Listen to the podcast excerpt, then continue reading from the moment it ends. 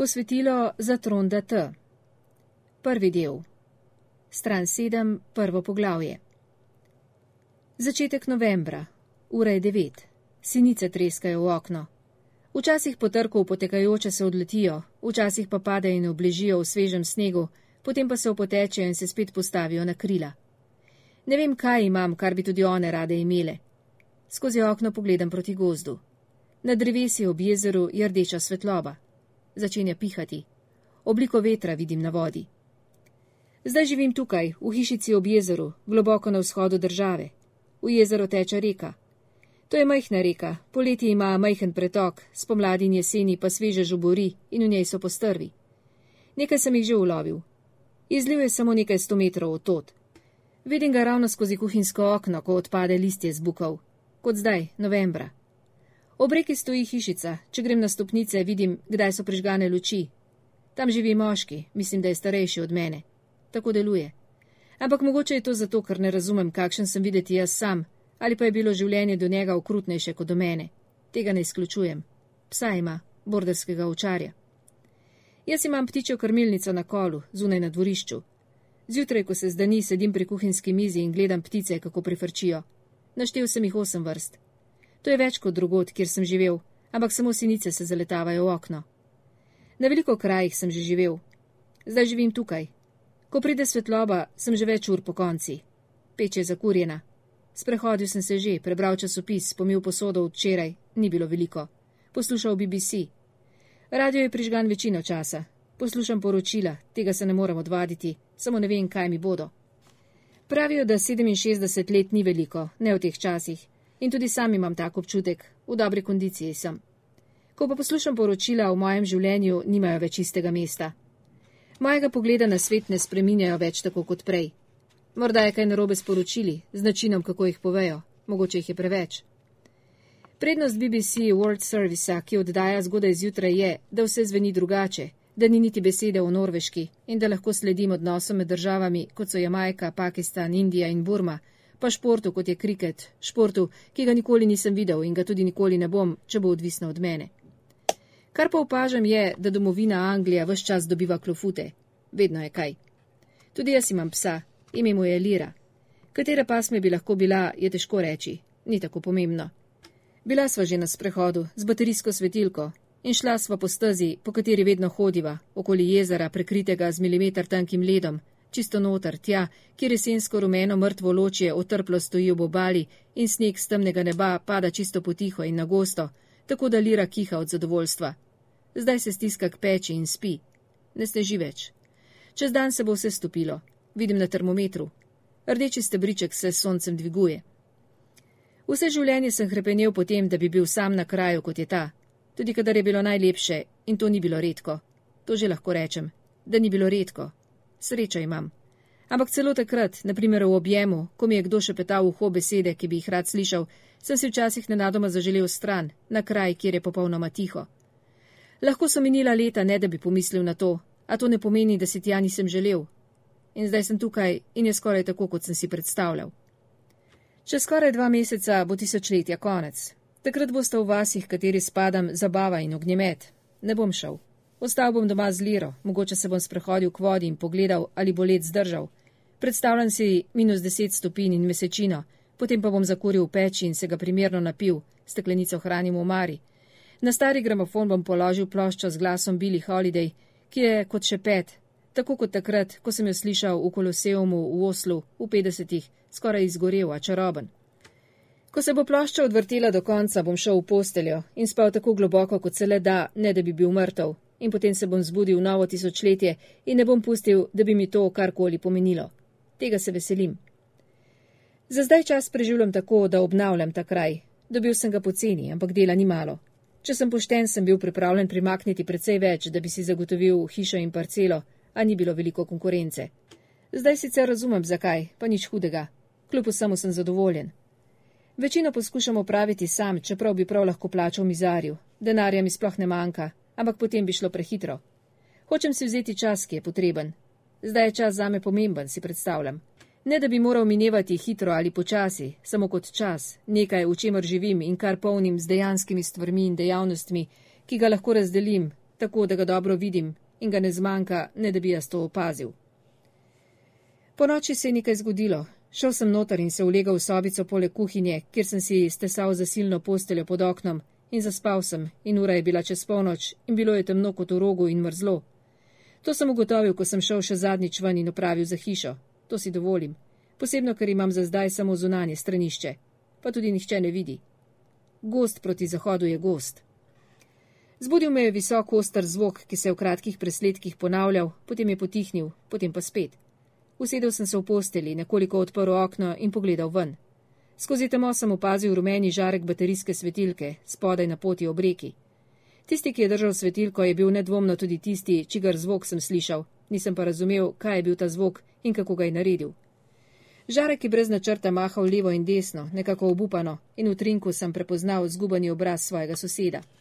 V ustih je imel nekaj, kar je bilo videti kot cigara, potem pa je spet prišel zvok in razumel sem, da ima piščalko za pse, čeprav sam pravzaprav nikoli nisem imel takšne piščalke. In začel je klicati psa. Poker je klical, poker, tako je bilo psu ime. Pridi, fant, je upil in legel sem nazaj v posteljo in zaprl oči, ampak vedel sem, da ne bom več zaspal. Pa sem v resnici hotel samo spati. Natančen sem postal glede ur, ki so potrebne, ni jih več toliko, ampak potrebujem jih na čisto drugačen način kot prej. Ena uničena noč vrže senco še na nekaj dni, zaradi nje sem razdražljiv in čemeren. Zato nimam časa. Moram se zbrati. Kljub temu sem se spet usedel, zavihtel noge na tla in v temi sem našel obleke, ki so ležale čez naslonjalo stola. Hitro sem moral dihniti, ko sem ugotovil, kako mrzle so. In potem sem šel skozi kuhinjo in na hodnik, oblekel sem star mornarski suknič, s police sem vzel svetilko in šel na stopnice. Bilo je popolnoma temno. Spet sem odprl vrata in ugasnil zunanjo luč. To je pomagalo. Rdeče prepleskana stena lope je na dvorišče metala topov žar. Srečo imam, sem pomislil. Lahko grem mirno ven k sosedu, ki išče svojega psa, in potem bo trajalo samo nekaj dni, pa bom spet pri sebi. Prižgal sem svetilko in šel po poti od dvorišča proti kraju, kjer je še vedno stal na položnem klancu in mahal svetilko, tako da je svetlobni žarek počasi v krogu drsel proti robu gozda, čez pot, po rečnem bregu in nazaj k izhodišču. Poker je upil, poker in potem je zažvižgal s piščalko in zvok je bil v tihi noči neprijetno visoke frekvence in njegov obraz, njegovo telo sta bila skrita v temi. Nisem ga poznal, z njim sem govoril samo nekajkrat, ko sem šel mimo njegove hiše, ko sem bil zunaj z Liro, večkrat zgodaj zjutraj, in naenkrat me je prijelo, da bi šel nazaj noter in vse skupaj pozabil. Le kaj lahko jaz storim, ampak zdaj je gotovo videl svetlobo moje svetilke, bilo je prepozno, pa tudi sicer je bilo nekaj s to postavo, ki sem jo komaj razločil samo v temi. Ne sme biti sam na tak način, ni prav. Prvo poglavje nadaljujem na strani 11. Halo, sem zaklical potiho iz spoštovanja do tišine. Obrnil se in za trenutek nisem videl ničesar, ker mi je usmeril svetilko naravnost obraz, ko pa je to ugotovil, jo je spustil. Nekaj sekund sem samo stal in čakal, da mi povrne nočni vid, potem pa sem šel k njemu in sva stala skupaj, vsak svojim žarkom svetlobe v višini bokov, usmerjenim proti pokrajini okoli naju, in nič ni bilo videti tako kot podnevi navadil sem se na temo. Ne spomnim se, da bi se je kdaj bal, a gotovo sem se je. Zdaj pa se mi zdi naravna in varna in predvsem pregledna, ne glede na to, kaj vse se skriva v njej. To ne pomeni nič. Nič se ne more meriti svobodo in prostostjo telesa, brez določene višine, brez dokončne razdalje, kaj ti tega v temi ni. Samo velik prostor, v katerem se lahko premikaš. Spet jo je pobrisal, je rekel sosed. Pokr, moj cucek. Se zgodi, pa pride zmeraj nazaj. Ampak mi ni za spat, če ga ni.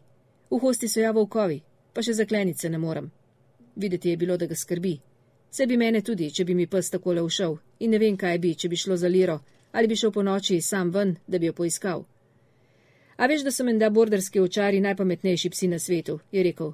Sem slišal, sem rekel. Je pametnejši od mene, pokar, in to ve. Sosed je zmajal z glavo. Bojim se, da hoče prevzeti vodstvo. To pa ni v redu, sem rekel. Ne, je rekel. Na misel mi je prišlo, da se nikoli nisva prav predstavila, zato sem dvignil roko na njo v smeru svetilko, da jo je lahko videl in rekel: Tron Sender. To ga je zmedlo. Potreboval je nekaj sekund, da je prestavil svetilko v levo roko in prijel mojo desno, svojo desno in odgovoril: Lars, Lars Hauk, zgajem. Me veseli, sem rekel, in v temni noči je to zvenelo prav tako smešno in tuje kot takrat, ko je moj oče rekel: Sočustvujem na nekem pogrebu, globoko v gozdu, tudi zgajem, pred mnogo, mnogo leti In tako mi je bilo žal za ti dve besedi, ampak Clark Schauk ni ničesar opazil. Mogoče je mislil, da je bilo vse v redu in ne, da je bil položaj nenavadnejši od katerega koli drugega, v katerem se odrasli moški predstavijo. Okrog naju je bilo tiho. Prej smo imeli dneve in noči z dežjem in vetrom in nenehnim šumenjem smrek in borovcev, zdaj pa je bilo v gozdu čisto tiho, niti senca se ni premaknila in moče sva stala, sosed in jaz, in strmela v temo, in nenadoma sem bil čisto prepričan, da je nekaj za mano. Nenadnega občutka hladu po hrbtu nisem mogel ustaviti in tudi Lars Hauk je to opazil in je usmeril svetilko proti točki nekaj metrov za mano, obrnil sem se in tam je stal pokr. Negiben in pozoren, to sem videl že prej, da lahko pes tako občuti, kot pokaže občutek krivde. In kot to velja za večino, tega ne mara prav preveč, posebno ko lasnik začne govoriti z njim v skoraj otročjem tonu, ki se slabo prilega utrjenemu, zgubenemu obrazu moža, ki je nedvomno preživel že veliko hudega in ki se je ukvarjal s trdovratnimi stvarmi in zapletenimi stvarmi v nasprotnem vetru in z odporom in z veliko lasno težo. To sem začutil, ko sva se rokovala. A, kje si bil pokr, ti neumni kuža? Nisi ubogavatka, grdi, poredni fantek, ne smeš tako. In je napravil korak k psu, in takrat je ta začel tiho renčati globoko v grlu in uhle je položil čisto nazaj. Lars Hauk se je v trenutku ustavil. Spustil je svetilko, da je svetila naravnost v tla, in komaj sem lahko razločil bele zaplate v pasem kožuhu, črne so izginile v temi, in to je bilo videti čudno, naključno in nesimetrično. Tihi glasovi iz grla so se nadaljevali z bolj nedoločene točke, sosed pa je rekel: Nekoč sem že ustrelil psa in obljubil sem si, da tega ne bom storil nikoli več. Zdaj pa res ne vem. Ni bil prav zelo samozavesten, to sem lahko videl. Ni vedel, kaj ne bi bila naslednja poteza in nenadoma se mi je neskončno zasmilil. To je bil občutek, ki se je razbohotil, ne vem odkot, od nekot iz teme, kjer se je mogoče nekaj zgodilo v nekem povsem drugem času ali morda v mojem življenju, nekaj, kar sem pozabil in to me je zaskrbelo in pretreslo. Odkašljal sem se in rekel z glasom, ki ga nisem čisto nadzoroval. Kakšen pes je bil pa tisti, ki si ga moral ustreliti? Čeprav ne verjamem, da me je res zanimalo, samo moral sem nekaj reči, da bi ustavil to presenetljivo drhtenje v prsih. Ovčar, ampak ni bil moj. Zgodilo se je na kmetiji, kjer sem odraščal. Moja mama ga je prva videla. Ob robu gozda je naskakoval srne. Dve popolnoma prestrašeni na pol dorasli srnici, ki svo jo že nekaj dni gledala z okna, kako sta se pasli v grmovju po robu severnega polja. Vedno sta bili skupaj in tudi zdaj sta bili skupaj in ovčarju je preganjal, krožil je okoli njiju in hlastal po njunih nogah, in čez nekaj časa sta bili že čisto utrujeni, niste imeli možnosti. In moja mama tega ni mogla več gledati. Poklicala je policista in vprašala, kaj ne naredi, in rekel je, kar ustrelite ga. To je naloga zate, Lars je rekla, ko je odložila slušalko. Bo šlo, kaj misliš? Nisem hotel, moram reči, in puške se skoraj nisem dotaknil, ampak srnici ste se mi zelo smilili. Nje tudi nisem mogel prositi, drugega pa ni bilo. Starejši brat je bil na ladji, očim je bil v hosti in je sekal les za vele posestnika, tako kot vedno ob tistem času. Zato sem vzel puško in šel čez polje proti gozdu. Ko sem prišel, psa sploh nisem videl. Obstal sem in poslušal. Bila je jesen, zrak je bil hladen tudi sredi dneva. Bilo je tako mirno, da je bilo skoraj zoporno. Obrnil sem se in pogledal nazaj čez polje in proti hiši, kjer sem videl, da stoji mama in pozorno spremlja, kaj počnem. Ne bom se izognil. Spet sem pogledal v gost po stezi in takrat sta proti meni nenadoma pritekli srni. Pokleknil sem na eno koleno in dvignil puško in kopito sem prislonil klicu in srnici sta bili tako preplašeni, da me sploh nista videli ali pa samo nista imeli več moči, da bi se ukvarjali še z enim sovražnikom. Sploh se nista umaknili, pritekli sta naravnost k meni in stekli mimo, nekaj pavcev stran od mojih ram, lahko sem slišal njuno dihanje in videl belino v znemirjenih očeh. Lars Hauk je za trenutek utihnil, dvignil svetilko in posvetil na pokarja, ki se ni premaknil z mesta tik za mano. Nisem se obrnil, ampak sem slišal, kako tiho renči. Bil je neprijeten zvok in moški pred mano se je ugriznil v usnico in se s prsti leve roke negotovo pogledil po čelu, potem pa je nadaljeval. 30 metrov za njima je prišel nemški očar, takoj sem sprožil. Bil je ogromna zverina. Prepričan sem, da sem zadev, ampak vseeno ni spremenil ne smeri, ne hitrosti, mogoče je bil samo krč v telesu, za hudiča, nisem prepričan. Tako sem ustrelil še enkrat in zdrsnil je na kolena in se spet dvignil in tekel naprej. Bil sem čisto obupan in sem še enkrat ustrelil, samo še nekaj metrov stran od mene je bil in takrat je padel s tacami v zraku in se valil prav do mojih škornjev. Ampak mrtev pa ni bil. Ležal je tam z ohremljenimi nogami in gledal naravnost vame in naenkrat se mi je zasmilil, moram reči. Sklonil sem se, da bi ga še zadnjič pobožal po vratu, takrat pa je zarenčal in hlasnil po moji roki. Odskočil sem in se razjezil in sem ga še enkrat ustrelil, naravnost v glavo. Lars Hauk je stal z obrazom v sencah, svetilka mu je utrujeno visela v roki in na tleh je bilo videti samo rumen košček. Drevesne iglice, kamenčki, dva smrekova storža. Poker je stal čisto tiho in ni dal od sebe nobenega glasu in spraševal sem se, ali znajo psi zadrževati dih. To je pa bila pizdarija, sem rekel. Ravno sem bil star 18 let, je rekel, dolgo je že tega, ampak ne bom nikoli pozabil. Zdaj pa razumem, da nočeš nikoli več ustreliti nobenega psa, sem rekel. Bomo videli, je rekel Lars Haug. Ampak zdaj bom kužata vseeno vzel noter. Pozno je. Pridi, poker, je rekel in njegov glas je v trenutku postal oster in oblasten in odpravil se je po poti. Poker je poslušno stopal nekaj metrov za njim. Ko sta prišla do mostička, se je ustavil in pomahal svetilko. Hvala za družbo, je glasno rekel temo. Tudi jaz sem pomahal svetilko, se obrnil in se odpravil po položnem klancu proti hiši in odprl sem vrata in stopil na osvetljeni hodnik. Iz nekega razloga sem zaklenil za sabo, tega nisem storil, vse odkar sem se preselil sem. Ni mi bilo všeč, da sem to storil, pa sem vseeno storil. Slekel sem se in legel v posteljo in pod odejo in strmel sem v strop in čakal, da se bom ogrel. Sam sebi sem se zdel malo neumen. Potem sem zaprl oči. Enkrat, medtem ko sem spal, je začelo snežiti in prepričan sem, da sem to vedel v spanju, da se je vreme spremenilo. In vedel sem, da se bojim zime in da se bojim snega, če ga bo veliko, in da sem se spravil v nemogoč položaj, ko sem se preselil sem. In potem sem sanjal ustrajne sanje o poletju, in to je bilo še vedno v moji glavi, ko sem se zbudil. Lahko bi sanjal o katerem koli poletju, ampak nisem. Bilo je čisto posebno poletje in še vedno mislim na njen, ko sedim pri kuhinjski mizi in gledam, kako čez drevje ob jezeru prihaja svetloba. Nič ni videti tako, kot je bilo po noči in ne morem najti razloga, zakaj sem zaklenil. Utrujen sem, vendar ne tako, kot sem se bal. Do večera bom zdržal, to čutim. Vstanem od mize, nekoliko togo, hrbet ni več, kar je bil, in lira pri peči dvigne glavo in me pogleda. Greva spet ven? Ne greva, ne še. Dovolj imam tega poletja, ki me nenadoma začne nadlegovati. Tega že veliko let ne počne več.